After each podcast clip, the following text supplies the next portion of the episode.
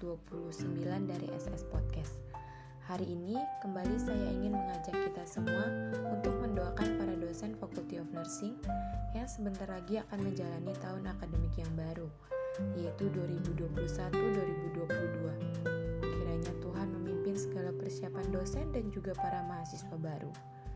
Dan kiranya Tuhan juga memimpin ETP 2017 yang sedang mempersiapkan diri untuk menghadapi hukum. Dan untuk kita semua, kiranya Tuhan memberikan kita kesehatan selalu. Perenungan kita hari ini diambil dari Pengkhotbah pasal 2 ayat 12 sampai 26 dengan tema Jangan sia-siakan hidupmu. Nats Alkitab kita akan dibacakan oleh teman saya Nurse Suryanita. Saya ucapkan terima kasih untuk supportnya dan kiranya pimpinan Tuhan menyertai kamu dalam pekerjaanmu dan kehidupanmu hari demi hari.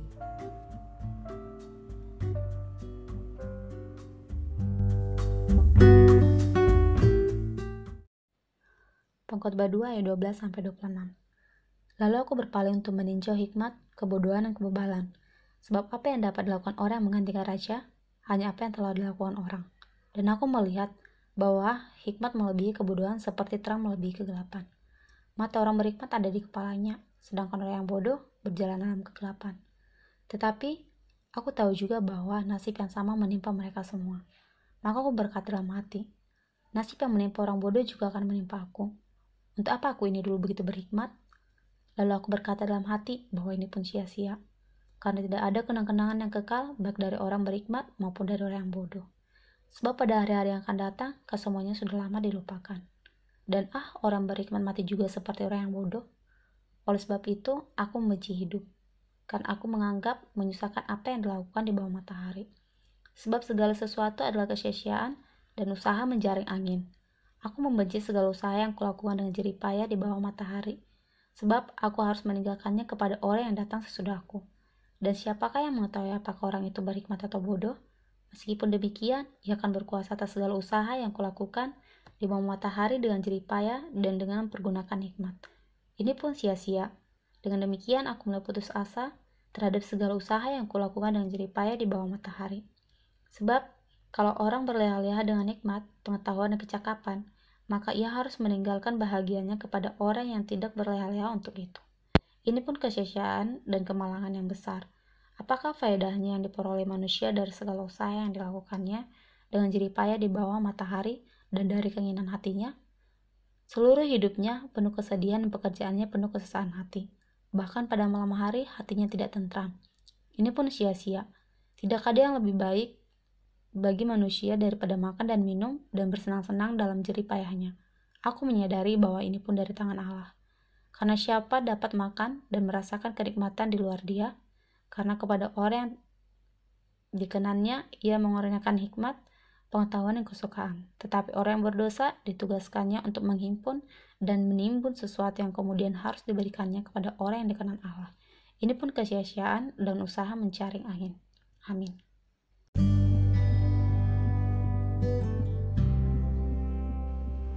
Sekali lagi terima kasih kepada Nurse Suryanita yang telah membacakan ayat bagi kita semua dan juga secara khusus buat Ruth Putri Yoga yang membacakan introduksi dan yang kemarin berulang tahun. Tuhan kiranya memberkati. Mari kita bersama-sama berdoa. Bapa kami yang ada dalam surga, biarlah firman-Mu menyadarkan kami akan anugerah-Mu dalam kehidupan ini. Demi Kristus, amin.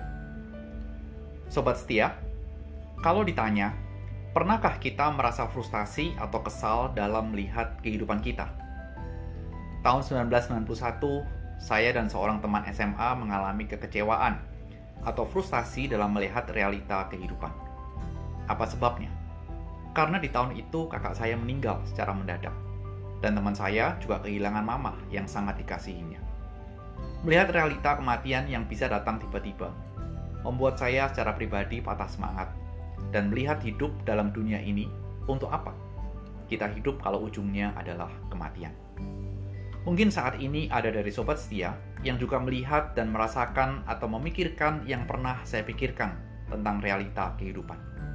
Karena pandemik, kehilangan kerabat, saudara, orang tua, atau opung, atau nenek.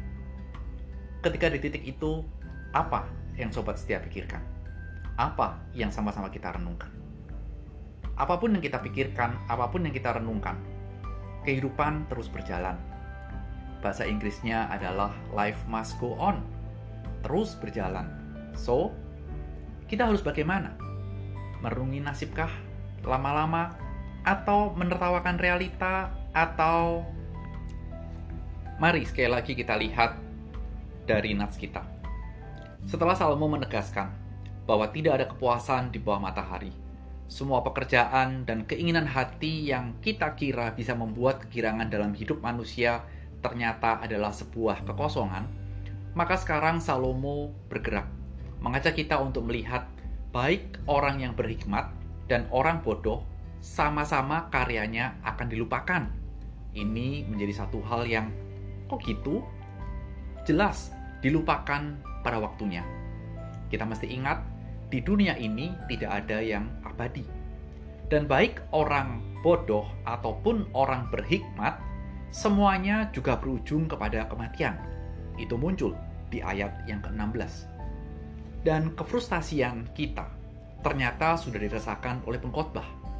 Pergumulan kita bukan pergumulan yang baru. Problema kita di dunia sekarang ini bukan problema yang baru entah kita memilih menjadi orang bodoh atau memilih untuk menjadi orang yang maunya hidup berhikmat dengan harapan hidup nyaman, tapi realita kematian bisa terjadi sewaktu-waktu. Dan itu membuat kita tersadarkan. Dan kita tidak siap menghadapi itu dan juga bingung. Di titik ini, Salomo menguraikan suatu kehidupan yang bisa kita nikmati dalam pemahaman yang sederhana. Dengan cara apa? Yang suka tidur bukan tidur jawabannya. Bukan dengan tidur panjang secara waktu, itu yang muncul di ayat 23 yang memberikan kita kenyamanan. Karena dengan tertidur pun kita boleh dikatakan kadang-kadang dan sering kali tidur kita pun tidak nyenyak. Sebab apa?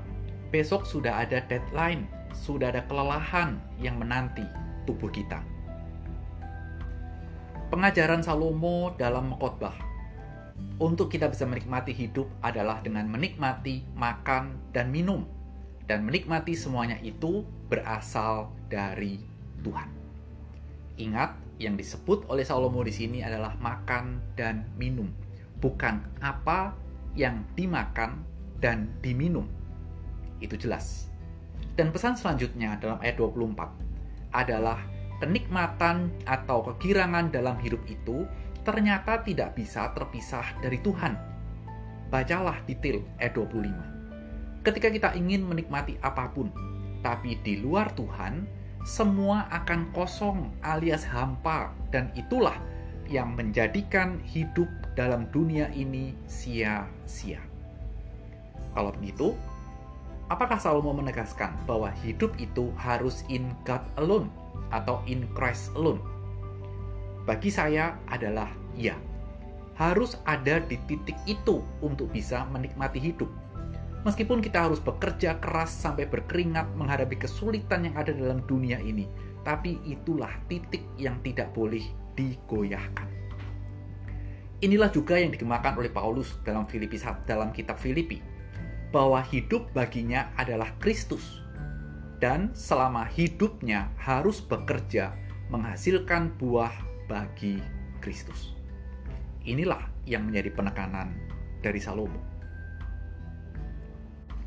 Meskipun kita harus bergumul dan bekerja, berusaha keras dalam kehidupan di dunia ini, namun penebusan Kristus di atas kayu salib seharusnya memampukan kita untuk memiliki konsep hidup yang benar bahwa in Christ alone itulah yang menjadi titik kehidupan kita, di mana kita bisa menikmati kehidupan yang sesungguhnya, kenikmatan dalam kehidupan yang sesungguhnya. Sobat setia yang dikasih Tuhan, don't waste your life. Jangan sia-siakan hidupmu untuk hidup di luar Kristus dengan mengejar segala sesuatu yang fana yang berasal dari dunia. Tapi biarlah kita boleh mengejar hidup yang berbuah bagi Kristus lewat studimu, lewat pekerjaanmu, dan juga tujuan hidup. Selamat hari Jumat, Selamat menikmati akhir pekan dan Tuhan memberkati kita. Amin.